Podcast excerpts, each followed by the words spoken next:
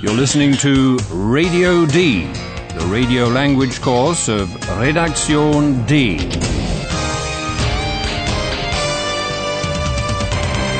A joint project of the Goethe Institute and Deutsche Welle Radio. The author is Herrad Meese.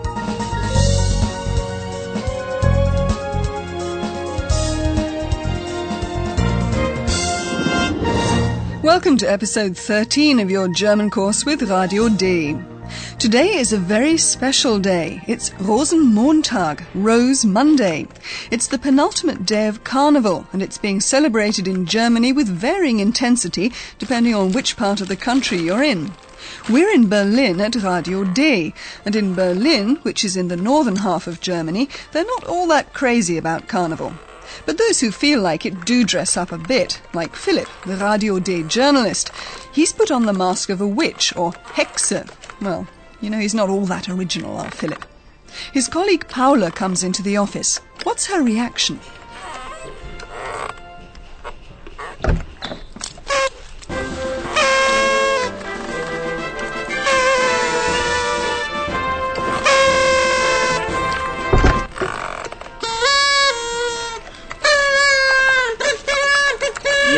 Ist ja gut. Hello!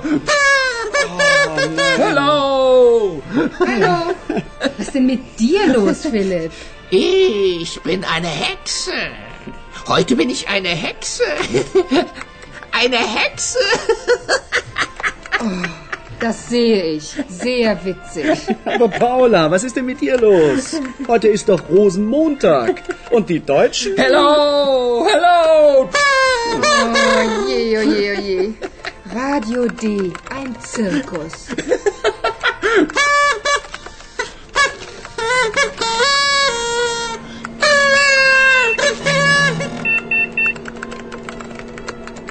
Achtung!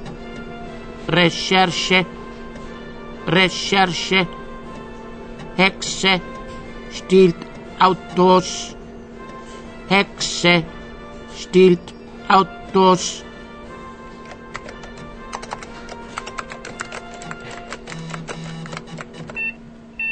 Well, you'll probably have noticed that Paula is more irritated than amused. When Philip hails her with the carnival greeting, hello, she asks him immediately what's the matter with him.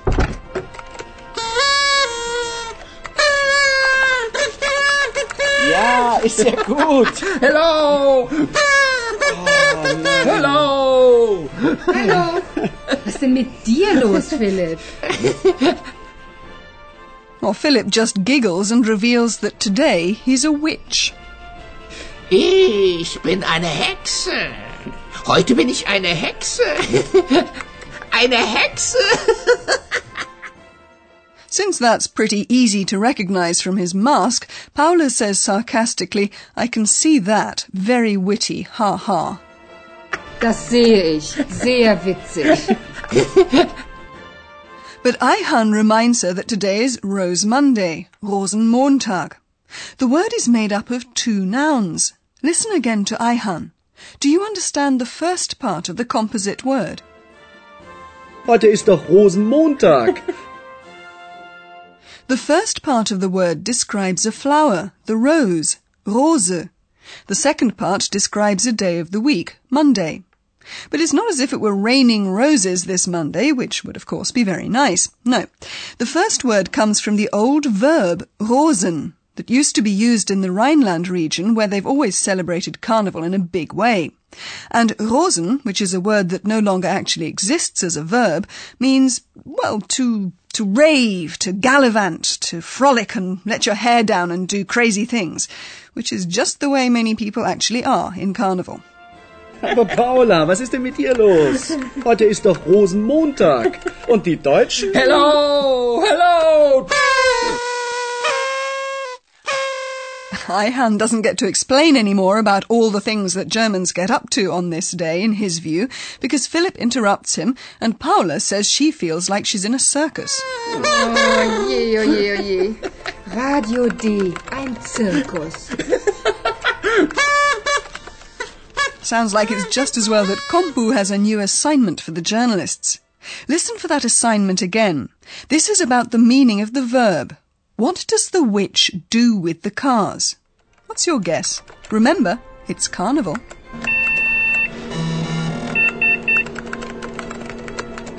Achtung, Recherche, Recherche, Hexe stiehlt Autos, Hexe stiehlt Autos. Maybe you thought the witch would spray colourful graffiti onto cars or drape paper snakes across them. No, that's not it. This witch is exploiting the carnival fancy dress to steal cars. Philip and Paula set out for the Black Forest region in southwest Germany. Eighteen cars have already been stolen there. We're with these two reporters live on their expedition right into the thick of carnival. Hallo, liebe Hörerinnen und Hörer, Willkommen bei Radio D. Radio D. Heute live.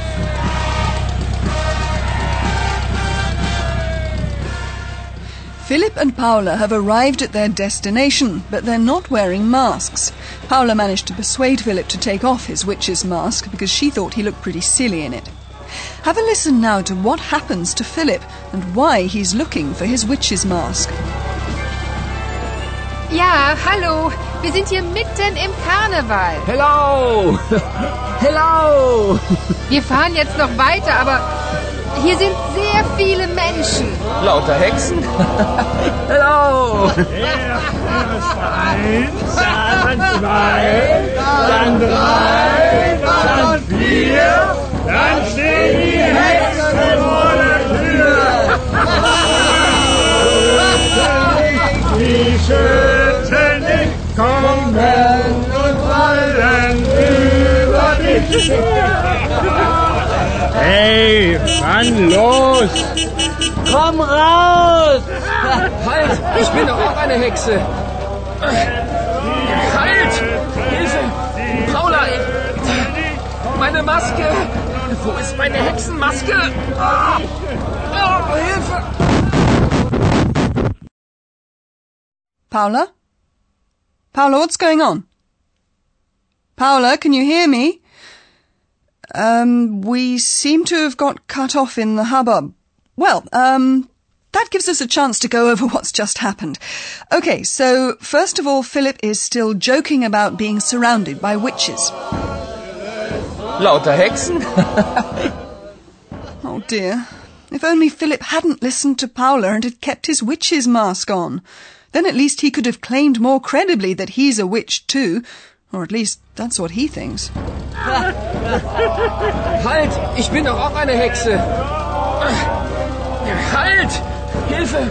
Paula! Ich Philip looks desperately for his witch's mask, but he can't find it. Meine Maske! Wo ist meine Hexenmaske? So the two of them are there in the thick of the carnival, which I think you could hear pretty clearly. Ja, hallo, wir sind hier mitten im Karneval. But then it obviously got harder and harder to keep on driving the car because there were so many people on the roads, including witches. Wir fahren jetzt noch weiter, aber hier sind sehr viele Menschen. And now the witches have surrounded the car and pulled Philip out. What are they doing with him? Well, we'll just have to wait and find out. Because first, here's our professor.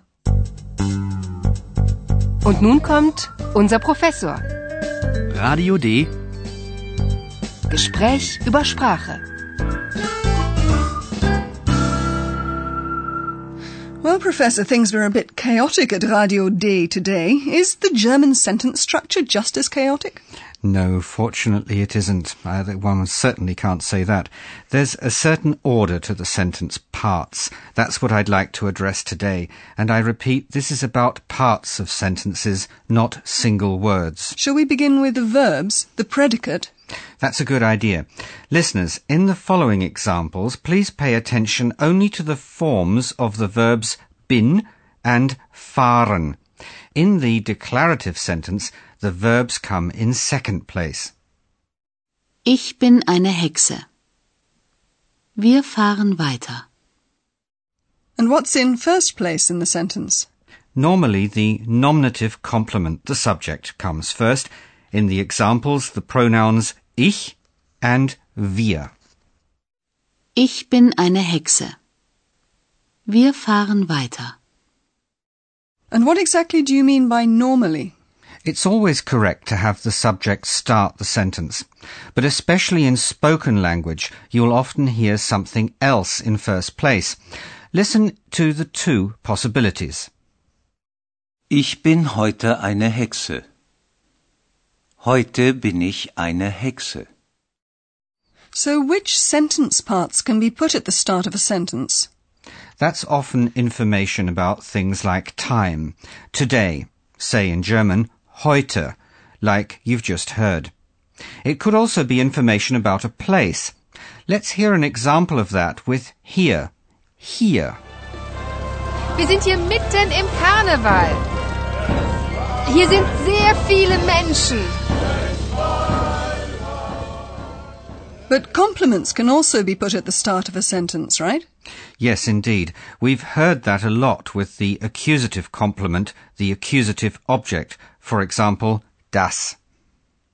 Das sehe ich. Das sehe ich. Sehr witzig. Let me sum up. In the declarative sentence, the verb always comes second. Okay, Professor. Thanks a lot for that. It was my pleasure. Here are those two scenes again.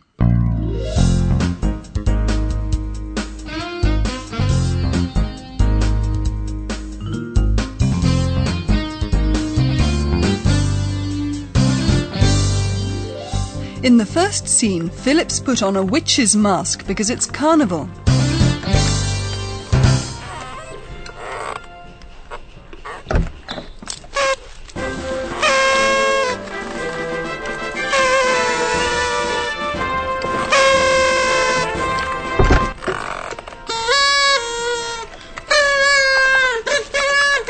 Ja, ist sehr gut. Hello! Hello!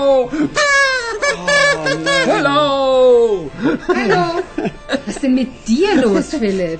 Ich bin eine Hexe. Heute bin ich eine Hexe. Eine Hexe. Das sehe ich. Sehr witzig. Aber Paula, was ist denn mit dir los? Heute ist doch Rosenmontag. Und die Deutschen? Hello! Hello! Oh je, oh je, oh je. Radio D, ein Zirkus.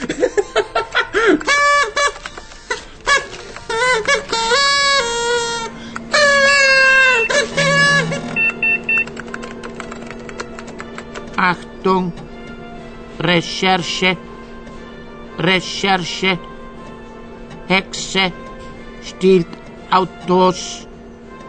Hexe stiehlt Autos.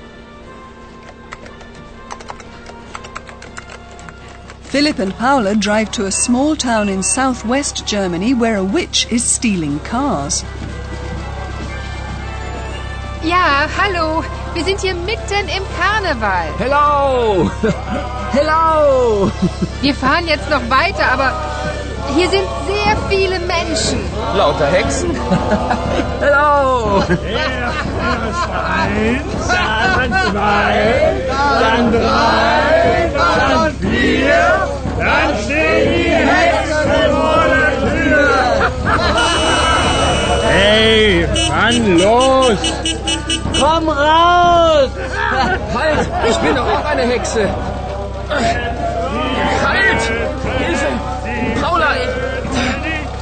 Meine Maske! Wo ist meine Hexenmaske? Ah! Oh, Hilfe! And in the next episode, you'll hear what happens to Philip and to our poor abandoned Paula. Liebe Hörerinnen und Hörer, bis zum nächsten Mal.